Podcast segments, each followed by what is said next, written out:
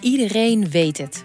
Ongeluk plan je niet, het overkomt je. Toen heb ik een hele tijd weer moeten revalideren voordat ik zelf weer kon lopen. Ja, als je van tevoren had geweten, ja, dan weet ik niet of we er überhaupt aan waren uh, begonnen. Hoe zorg je voor jezelf als het leven tegenzit?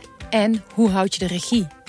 Je hoort die antwoorden in aflevering 23 van de podcastserie Zorg voor Leefkracht.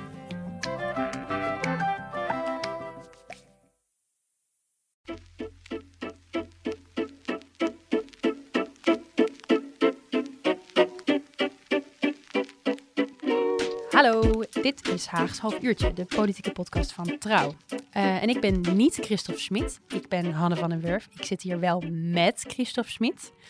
Zeg maar even hallo, Christophe. Hoi. Hoi, hoi.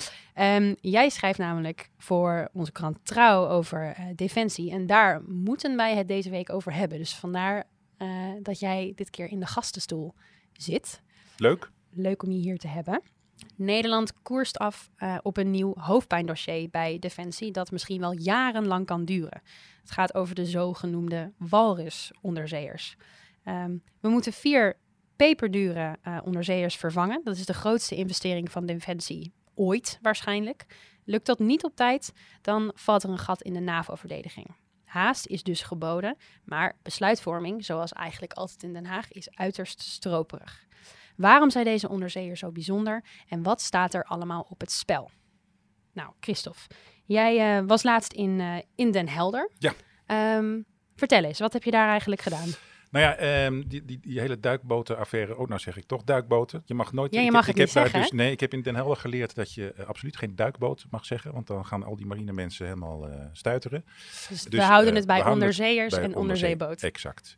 Um, ik was al heel lang van plan om een groot stuk over die onderzeeboten kwestie te schrijven, want het speelt al heel lang. En uh, mijn chef zei ook steeds van, joh, ga eens eventjes uh, iets doen met die onderzeeboten. Hup naar Den Helder, jij. Dus ik heb een vraag bij Defensie neergelegd van, ik wil eigenlijk wel zo'n ding zien. Hè, want dan heb je een beetje gevoel bij. En ik hoef er niet gelijk de Atlantische Oceaan mee op, maar dat ik in ieder geval weten hoe zo'n ding er van binnen uitziet. Wat heb jij, vert vertel eens, wat, wat, wat zag je daar? Nou ja, je hebt natuurlijk, iedereen kent het fenomeen duikboten van films of wat dan ook. En dat ziet er allemaal heel claustrofobisch uit en eng en diep onder water en...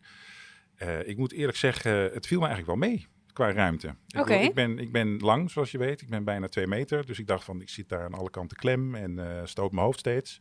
Viel mee. Mm -hmm. uh, het is klein, tuurlijk. Als, kijk, en het, het was redelijk mager bezet toen ik er was. Terwijl normaal gesproken, als zo'n ding in de vaart is, dan zitten daar 50 man ongeveer aan boord. Dus dan zal het wel een stuk benauwder zijn. Uh, maar je kan daar rustig rondlopen. Er zijn twee verdiepingen. Uh, je hebt een vrij ruime keuken-eetgelegenheid. Uh, er, er, hangen wat dingen aan de muur waarvan je denkt van... Hm, ze hebben het hier geprobeerd gezellig te maken. Een, een kleedje op tafel. Uh, dus ja, het, het, was hier en daar zelfs huiselijk. Het, het, was wel wat dus. Ja, maar goed, vergeet niet dat zeg maar, de, de, machinekamer... of de, de, waar, waar, ze allemaal achter schermpjes geconcentreerd zitten... dat is natuurlijk wel andere koek. Dan, dan heb je wel het klassieke onderzeebootbeeld van de film. Want daar zitten ze allemaal geconcentreerd te luisteren naar geluiden in de omgeving en uh, dingen die ze kunnen opvangen van, vanuit de wereldzeeën. Dus er is natuurlijk ook wel een spannend gedeelte. En jij was dus in een van die vier uh, walrus uh, onderzeeërs. Ik zei bijna Ja. weer duikboten. Um, waarom zijn deze zo bijzonder? Voor Nederland. Uh, of ja, ze zijn bijzonder in internationaal verband, uh, omdat um, het is een type uh, onderzeeboot dat op uh, elektrische motor vaart. Dat wil zeggen, het is een elektrische batterij die onderweg wordt opgeladen met diesel. Een soort combinatie tussen duurzaam en absoluut niet duurzaam. Maar goed, dat is een hele technisch. oude, hele oude techniek.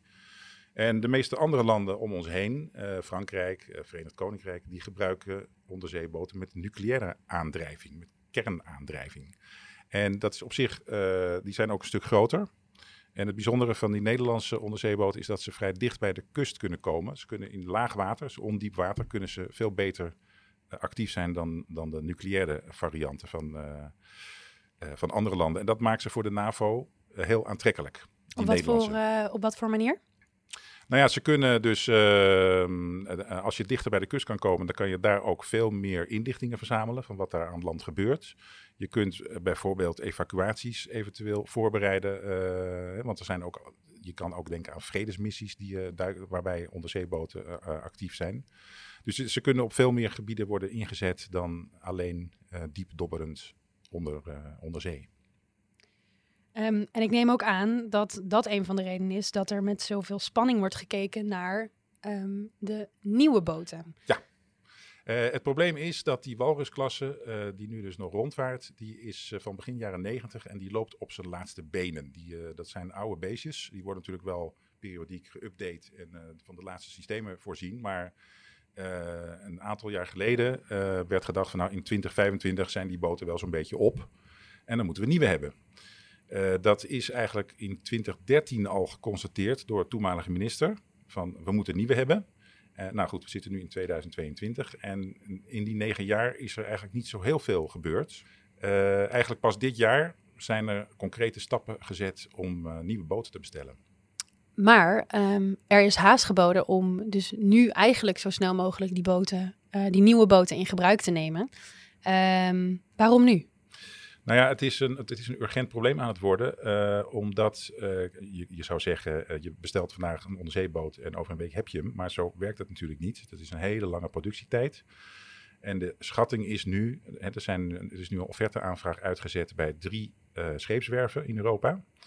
Um, daar kunnen we het straks misschien nog even over hebben. Zeker. Maar uh, de verwachting is dat, dat, die, uh, dat wat het, welke werf het ook wordt, die is niet eerder dan 2034, 2035 klaar met de eerste twee boten. Nou, dan heb je het dus over, dat is over 13 jaar.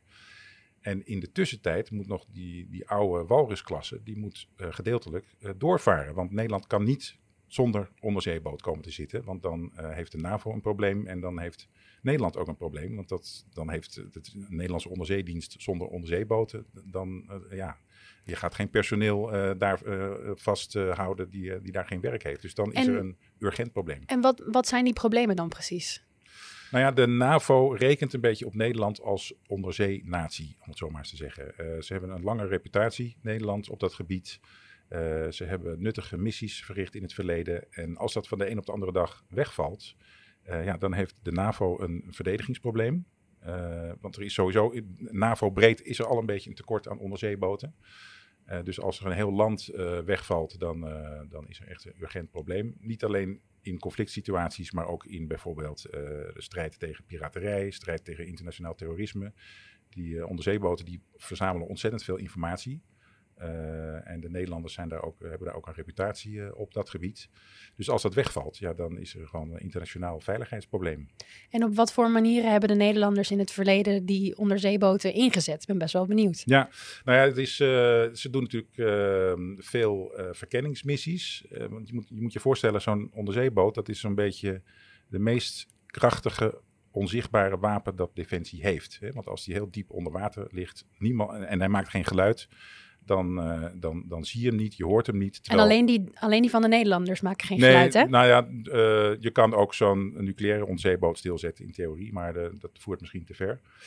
Um, maar het is gewoon een enorme, uh, ja, hoe noem je dat? Een baken van informatieverzameling. Want zo'n boot hoort alles. Wat zelf wat over honderden kilometers verderop gebeurt, kunnen ze aan de manier waarop een bepaalde scheepsschroef beweegt, kunnen ze ongeveer herkennen wat voor soort boot dat is. Hmm. Um, Heel belangrijk natuurlijk ja, in oorlogsvoering. Om ook, dat goed. Uh... Maar inderdaad, de, het, eigenlijk het enige moment dat een Nederlandse onderzeeboot echt dicht bij een oorlogshandeling is geweest, uh, was in 1999, toen, tijdens de Kosovo-oorlog. Toen uh, waren er NAVO-onderzeeboten uh, voor de Servische kust. En toen dreigde de Joegoslavische marine, want zo heette dat toen nog, Joegoslavië, uh, die dreigde zeemijnen te leggen of wat andere dingen te doen. En toen heeft Nederland echt heel, heel expliciet naar buiten gebracht, Horus, Belgrado, wij hebben onderzeeboten daar liggen. Dus als je ook maar iets verkeerds doet, dan zul je een torpedo op je dak krijgen. En het schijnt ook de enige uh, het geval te zijn dat die torpedobuizen ook echt open stonden, dus klaar om te vuren. Uh, dus dat was behoorlijk spannend. Uh, is uiteindelijk niet gebeurd, maar dat was dus de afschrikking, want uiteindelijk heeft Servië heeft, niks gedaan. Die zijn daarvan van teruggeschrokken. Dus het is ook een enorm middel ter afschrikking van, van uh, vijandige ja. agressie. Zo en ter, ter afschrikking, maar ik neem aan dat ze ook kunnen worden gebruikt om infrastructuur te beschermen. Uh, ja, dat is, wordt natuurlijk ook nu veel urgenter uh, met die recente sabotage van de Nord Stream pijpleidingen in de Oostzee. Ja. We weten inmiddels allemaal dat dat sabotage is geweest, maar nog steeds niet door, door de. Russen. Oh. Ja, dat is officieel is nog steeds niet bekend wie dat nou precies heeft gedaan. Mm -hmm. Um, maar uh, ik weet ook absoluut niet of daar onderzeeboten in de buurt hebben gelegen die iets hebben uh, gezien. Maar in de toekomst, hè, als er uh, cyberaanvallen worden gepleegd of er worden gewoon inderdaad fysieke aanvallen gepleegd op internetkabels of inderdaad gaspijpleidingen, dan zijn die onderzeeboten wel een heel krachtig verdedigingsmiddel. Ja, dus ontzettend urgent om zo snel mogelijk die nieuwe boten en te gaan bouwen en in gebruik te gaan nemen. Maar Ja. tussen, ja, in de tussentijd moeten we het doen met de oude. Uh, wat zijn de dilemma's daar precies? De dilemma's zijn dat ze dus alle vier oud zijn. Uh, en ze weten nu al dat ze niet alle vier kunnen blijven varen. Dus ze gaan er twee uh, uit de vaart nemen. Dat is eigenlijk al aan het gebeuren. Ik geloof dat er eentje is al min of meer inactief. Uh, en de onderdelen van die twee gaan ze gebruiken voor, de, voor die andere twee, om die in ieder geval nog uh, uh, in de vaart te houden. En de dilemma's zijn, ja, hoe lang hou je dat vol? je hebt natuurlijk daarbinnen allerlei IT-systemen en sonarsystemen. Die worden natuurlijk steeds nieuwer en moderner. Dus ja. je moet zo'n boot van tijd tot tijd aanpassen. Nou ja, als je over tien jaar een beetje echt aan het einde van de levensduur van zo'n onderzeeboot zit, dan ga je afvragen: gaan we hier nog een heel duur nieuw systeem voor kopen? Of gaan we wachten tot die nieuwe er zijn? Uh, dus zeg maar die overgangsperiode, hoe, dichter, hoe dichterbij die komt, hoe, hoe spannender en hoe duurder ook misschien die, die keuzes zijn. Nou, laten we het dan even over de keuzes hebben, inderdaad. Want die keuzes, dat zijn politieke keuzes. Ja. Um, waarom liggen die zo ontzettend gevoelig? Waarom duurt het zo lang? Het duurt zo lang uh, omdat uh, uh, in Nederland is al de hele tijd uh, het systeem dat elke militaire uitgave boven de 25 miljoen, en dat zit deze dus zit daar mijlenver boven, Mm -hmm. alles boven de 25 miljoen moet geregeld worden voorgelegd aan de Tweede Kamer. Eigenlijk elke belangrijke beslissing in zo'n proces, daar moet de Tweede Kamer in ieder geval van weten. Het wil, niet, het wil niet zeggen dat ze er nee tegen kunnen zeggen, maar ze moeten in ieder geval geïnformeerd worden. En dat is, uh, daar zit een hele, ook een hele beslisboom uh, achter. Met allerlei klankbordgroepen en, en tussenfases en onderzoeksfases zo. En Klinkt zit, gezellig. Ja, het is, uh, het, het, is natuurlijk in dit geval ook een enorme uitgave. Uh, van, is er een beetje een schatting hoe groot die uitgave is? Op dit moment wordt geschat iets van 4,5 miljard, 5 miljard. Maar hè, als die offertes komen volgend jaar binnen, dus dan zullen die prijzen ook wel weer gestegen zijn. Dus niemand die het weet. Okay. En zelfs Defensie, die hanteert momenteel geen bovengrens meer. Die, die weet het ook niet. Die wacht gewoon rustig die offertes af. Um, Oké, okay, dus de Tweede Kamer heeft een best wel grote rol uh, uh, in uh, het besluit wanneer en in, in wat voor vorm deze boten er komen. Um, hoe, hoe zit dat? Voelen, voelen zij de urgentie niet? Nou ja, het is uh, niet zozeer de Tweede Kamer die hier echt in stuurt, maar het is, ook, het is ook belegd over heel veel verschillende ministeries. Er zijn heel veel ministeries die hier iets over te zeggen willen hebben. Defensie natuurlijk, maar financiën, want die moeten betalen. Uh, economische zaken, want er zijn ook belangen van, van Nederlandse bedrijven in het geding. Uh, algemene zaken, dus het ministerie van de minister-president. Die moet, dat, dat zijn sowieso al soms ministeries die het niet meteen met elkaar eens zijn. En hier al helemaal. Dus dat is een heel stroperig proces van waar is nou uh, de, boot die, waar we het allemaal over eens zijn dat we die willen hebben en tegen welk prijskaartje. Dus dat werkt vertragend en dat heeft ook heel erg vertragend uh, gewerkt. Uh, er is, eerder dit jaar is er een onderzoeksrapport verschenen van een bureau dat heet Anderson Elvers Felix. En die hadden inderdaad gezegd, de eerder opgelopen vertraging is deels het gevolg van meningsverschillen binnen verschillende ministeries over de rol van de Nederlandse maritieme industrie. Ja, jemig. Dus dat vertraagt en dat is ook de oorzaak dat uh, tussen 2013 en nu heel veel is gepraat, maar nog steeds niks is besteld. Maar geen knoop is doorgehakt. Nee. Goh, maar het lijkt alsof er nu wel vaart in het proces komt. Hoe komt dat precies? Um, nou ja, de, de, dat laat zich een beetje raden. Hè. De oorlog in Oekraïne heeft de sfeer totaal veranderd. Uh, ook al uh, heeft de oplevering van die onderzeeboten, uh, als dat pas in 2035 gebeurt, dan heeft dat geen direct verband met de oorlog in Oekraïne. Mogen we hopen dat die dan afgelopen is. maar het hele gevoel van eh, defensie, ach ja, daar kunnen we wel op zuinigen, want het is geen oorlog meer en de Koude Oorlog is voorbij. En hè, dat is een sfeer die tientallen jaren lang de discussie wel heeft bepaald in, Den Haag en andere hoofdsteden. Dat is natuurlijk in één klap voorbij. Uh, sinds februari dit jaar met die oorlog. Iedereen beseft hoe belangrijk een goede defensie is. dus er is nu ook politiek gewoon veel meer urgentie om, om die Nederlandse krijgsmacht op orde te krijgen. Er gaan miljarden naartoe. De begroting wordt 5 miljard per jaar verhoogd, structureel. Dat is gewoon 40% erbij. En eigenlijk is gewoon kamerbreed is daar een meerderheid voor. Terwijl vroeger was dat veel lastiger. Kijk, in het stuk dat jij hierover schreef deze week in de verdieping, noemde je dit ook wel een hoofdpijndossier. Um, wij hebben in Nederland een ander hoofdpijndossier van soortgelijke grootte gekend, namelijk over de JSF. Ja. Uh, fighter jets? Of hoe, hoe... Ja, tegenwoordig heet ze F-35. Oh, oké. Nou, ik, uh, ik ben alweer de weg kwijt. Um, kan je misschien eventjes vertellen wat, wat die affaire, die JSF-affaire inhield? Um, nou, dat, is, dat heeft 23 jaar geduurd. Vanaf het inderdaad ook het begin dat men realiseerde... oké, okay, we moeten die F-16's opvolgen. Die moeten zijn er vernieuwing toe. Het zijn allemaal vliegtuigen? Het zijn gevechtsvliegtuigen. Of gevechtsvliegtuigen, ja. ja. Uh, en daarvan zijn er uiteindelijk 46 uh, uh, besteld en gekomen. Dat zouden er ook meer zijn. Maar goed, dat was ook zo'n proces dat de, het was onzeker wie, wie ze gingen leveren. En de Amerikanen hebben het uiteindelijk gedaan. Maar er was ook die discussie in Den Haag: moeten we dat er wel overlaten aan de Amerikanen? Moeten we dat niet in Europa houden? Nou ja, dat hele politieke proces heeft bijna een kwart eeuw geduurd. En de kosten rezen natuurlijk ook de pan uit. Die werden ja. uiteindelijk, werd uiteindelijk ruim 5 miljard. Maar goed, de overeenkomsten tussen deze twee dossiers is dat het, het zijn echt processen van, nou ja, in, in beide gevallen bijna een kwart eeuw. Uh, dat is politiek gezien natuurlijk lastig, omdat een kabinet van nu en de Tweede Kamer van nu die moet een beslissing nemen over iets wat pas over uh, 10, 12 jaar ja, uh, resultaten oplevert. Dan is er natuurlijk een andere kabinet en een andere Tweede Kamer. Dus ze moeten letterlijk over, of, en figuurlijk over hun graf regeren, zoals dat heet. Ah. Uh, dus dat maakt het politiek ingewikkeld. Dus um, veel parallellen, maar misschien een groot verschil is ook, uh, toen was die hele JSF-aankoop was de grootste militaire uh, uitgave ooit. Ja.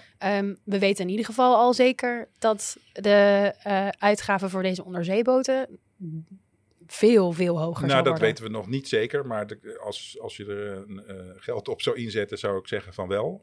want kijk, ze zijn ooit begonnen op 2,5 miljard. Dus bijna tien jaar geleden denk ik van, oh, we, we, kunnen wel vier boten kopen voor 2,5 miljard. Nou, dat is totaal uit beeld, dat bedrag. Dus de schatting is nu inderdaad 5 miljard of meer, maar niemand weet het. En het zal natuurlijk nooit goedkoper worden. Wordt altijd duurder. Hmm. Dus als het boven de 5 miljard uitkomt, dan wordt het inderdaad de duurste militaire aanschaf van Nederland ooit. En dan moet je dus beseffen, dat zijn vier uh, onderzeeboten. Ja. En JSF waren 46 vliegtuigen. Ja. Uh, die natuurlijk ook stuk voor stuk allemaal heel erg duur zijn. Maar dat, dat geeft wel aan hoe ontzettend kostbaar zo'n uh, en hoe technisch ingewikkeld ook zo'n onderzeeboot is. Um, die JSF-gevechtsvliegtuigen lagen politiek gevoelig. Hoe zit dat met die um, onderzeeboten? Um, minder, denk ik. Dat wil zeggen, de, ik denk dat de Kamermeerderheid wel overtuigd is van het nut en de noodzaak om zo'n onderzeedienst te hebben met vier goede onderzeeboten. Uh, zeker dus na de oorlog uh, in Oekraïne uh, zijn, denk ik, zelfs PvdA, waarschijnlijk ook GroenLinks, die staan gewoon achter deze aanschaf. Al hebben ze natuurlijk wel kritiek op de gang van zaken misschien. De enige partij, nou in ieder geval een van de grote partijen die tegen is, dat is de Socialistische Partij. Mm -hmm. Jasper van Dijk, Kamerlid, die, die heeft ook tegen mij gezegd van Nederland is gewoon een te klein land om dit soort absurde, peperdure projecten aan te schaffen. Uh, we moeten een toontje lager zitten. Dus zijn idee was eigenlijk om gewoon die walrusklasse uh, langzaam dood te laten gaan. En vervolgens daar niks meer aan te doen. Ja. Gewoon die onderzeedienst opheffen. Ja, dat is ook een standpunt, maar dat is op dit moment wel een minderheid. Een minderheid. En, en de NAVO heeft Nederland gewoon nodig. Ja, maar goed, defensiebeleid, dat, dat doen landen zelf. Dus elk land kan zeggen tegen de NAVO, sorry, maar dat gaan we niet doen. Maar ik denk dat uh, iedereen, of bijna iedereen hier wel van overtuigd is uh, dat, dat dit een belangrijke pijler is onder de Nederlandse krijgsmacht. Politiek telt er natuurlijk ook mee dat uh, Nederland een hele rijke onderzeebouwindustrie bootindustrie heeft. Ja. Ik wist niet of u dat wist, eh, en lieve economisch. luisteraar. Maar eh Christophe, leg uit. Ja, nou die walrusklasse eh, die nu dus eh, nog actief is, dat zijn Nederlandse boten. Die zijn eh, in de jaren 80, eind jaren 80 gebouwd door de Rotterdamse Droogdokmaatschappij, RDM, inmiddels failliet. Eh, en daar was toen ook nog een hele parlementaire eh, enquête naar. eh, goed, die, de, de, die walrusklasse heeft ook zijn eigen politieke geschiedenis. Met ook veel te hoge kosten uiteindelijk. Maar dat is weer een ander verhaal. Maar het, goed. lijkt, het lijkt bijna een patroon. Juist, maar dat is met alle militaire uitgaven. Maar ehm, het zijn dus Nederlandse boten van Nederlandse makelij. En die worden dus ook in Nederland onderhouden, in Den Helder. Eh, en daar is een hele maakindustrie omheen. En eh, veel onderdelen zijn ook Nederlands. Dus dat is, eh, dat is nu nog een, een, best een, bijna 100% Nederlands ding. En dat, daar moeten we afscheid van nemen. Want eh, inmiddels is het niet meer mogelijk om zo'n hoogwaardig eh, product helemaal in Nederland te maken. Dus dat moet in samenwerking met het buitenland. Daar schuurt het een beetje. Ja, nou goed, de, de vraag is nog steeds in hoeverre die Nederlandse industrie zal wegvallen. Want eh, er zijn dus drie werven eh, nu gevraagd, is, is gevraagd om een offerte te maken. Eh Saab in Zweden, en daar is het Nederlands bedrijf Damen bij aangesloten. Dus dat Mhm. wordt een beetje een Zweeds-Nederlands project. Dan is er nog een Franse werf, Naval, en daar is een ander Nederlands bedrijf bij aangesloten, IHC, Koninklijke IHC. Dat is wat kleiner dan Damen, maar wel degelijk een Nederlands bedrijf. Dus mochten een van die twee die, die opdracht krijgen, dan is er wel degelijk een behoorlijke Nederlandse inbreng in de bouw van dat ding. Eh, de derde werf is een Duitse werf en daar is nu geen Nederlandse betrokkenheid, niet direct. Maar sowieso heeft het ministerie van Defensie geëist, eh, welke werf het ook wordt, we willen gewoon garanties dat daar Nederlandse betrokkenheid bij is in de vorm van leveranciers van onderdelen, systemen. eh, en het voornemen is ook om, de, om het onderhoud zoveel mogelijk in Nederland, in Den Helder, te houden. Dat zijn beloftes tot dit moment. Eh, en de Tweede Kamer was eh, vorige week bij de defensiebegroting behandeling al behoorlijk kritisch over die beloftes, want ze willen gewoon resultaten zien. Ja. Wat En- zeiden ze dan bijvoorbeeld? Nou ja, ze willen gewoon hardere garanties eh, dat Nederlandse bedrijven eh, daarbij betrokken zijn. En een paar jaar geleden was het zelfs zo dat een paar fracties onder de SGP, als ik me goed herinner, die zeiden gewoon gun die opdracht gewoon aan Saab Damen, die combinatie Zweden-Nederlands. Eh, want dan weten we gewoon zeker dat die Nederlandse betrokkenheid groot is. Dus die politieke druk was er wel. Eh, maar die is inmiddels eh, min of meer eh, van tafel geveegd door Defensie. door die offerteaanvraag aan die drie verschillende werven te sturen. Waardoor de uitkomst gewoon onbekend is.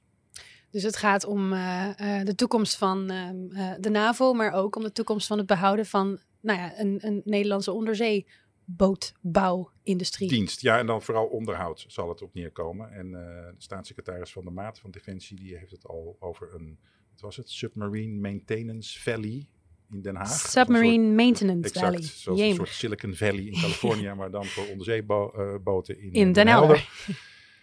Hij kan dat natuurlijk prachtig voorspiegelen. En Den Helder zal zeggen, oké, eh, laat maar zien. Mhm. Eh, maar dat weten we nu, nu, nog- nu nog niet. Dat weten we pas eh, over tien jaar. ja, precies. Dus over tien jaar hebben we misschien een, eh, een Submarine Maintenance Valley in, eh, in Den Helder. Ehm, en ik vraag me er ook een beetje af, wat zouden eventueel over tien jaar, als hier meer duidelijkheid over is, wat zouden de politieke gevolgen kunnen zijn? Nou, dat is echt eh, in een glazen bol kijken. Want over tien jaar hebben we een heel ander eh, kabinet eh, en een heel andere samenstelling van de Tweede Kamer. Ik denk dat politiek spannend al volgend jaar de eerste momenten, de eerste spannende momenten zijn. Dus dat is nog, als het goed is, met het huidige kabinet. Mhm. Want dan zijn die offertes binnen van die drie werven. Eind volgend jaar, als het goed is, neemt het kabinet een beslissing over welke werf het wordt. Eh, maar het zou ook kunnen dat, eh, dat er geen enkele geldige offerte binnenkomt. Dat al die drie werven zeggen van sorry, maar met deze eisen kunnen wij niet voor deze prijs eh, dit project beginnen. Of er zijn andere eisen waar niet aan wordt voldaan. De levertijd is natuurlijk superbelangrijk, zoals we hebben ge- gemerkt. Dus misschien zijn er drie ongeldige offertes. En dan heeft de staatssecretaris heeft echt wel een probleem. Want dan is er dus een traject ingezet dat op valikant is mislukt. Er zijn gewoon verkeerde verwachtingen gewekt. Of de prijs was te laag ingeschat. Of de eisen zijn te hoog. Eh, en dan heb je dus inderdaad het politieke probleem van een kabinet dat niet in staat is om zoiets belangrijks in goede banen te leiden. En dan zal die ongetwijfeld een zeer kritische Tweede Kamer tegenover zich vinden. Van hoe heeft dit kunnen mislopen? En dan krijg je misschien weer dreigingen met parlementaire enquêtes. En uh, nou ja, dan gaat het hele circus weer op de wagen. Of het hele spel weer op de wagen, moet ik zeggen. Maar dus volgend jaar wordt al politiek het eerste spannende moment in dit dossier. Nou, we gaan er naar uitkijken. Dan uh, spreek ik je hoop ik volgend jaar weer over hetzelfde onderwerp. Lekker langslepend. Goed, dit was Haags half uurtje, de politieke podcast van Trouw. Uh, mijn naam is Hanne van der Wurf. Deze podcast wordt gemaakt door mijzelf en Michael Royal. Wilt u nog meer podcasts horen van Trouw? Ga dan naar www.trouw.nl slash podcasts. Um, wij hebben ook een e-mailadres. Uh, mail ons vooral op haagshalfuurtje.trouw.nl En dan vooral tot volgende week maar weer.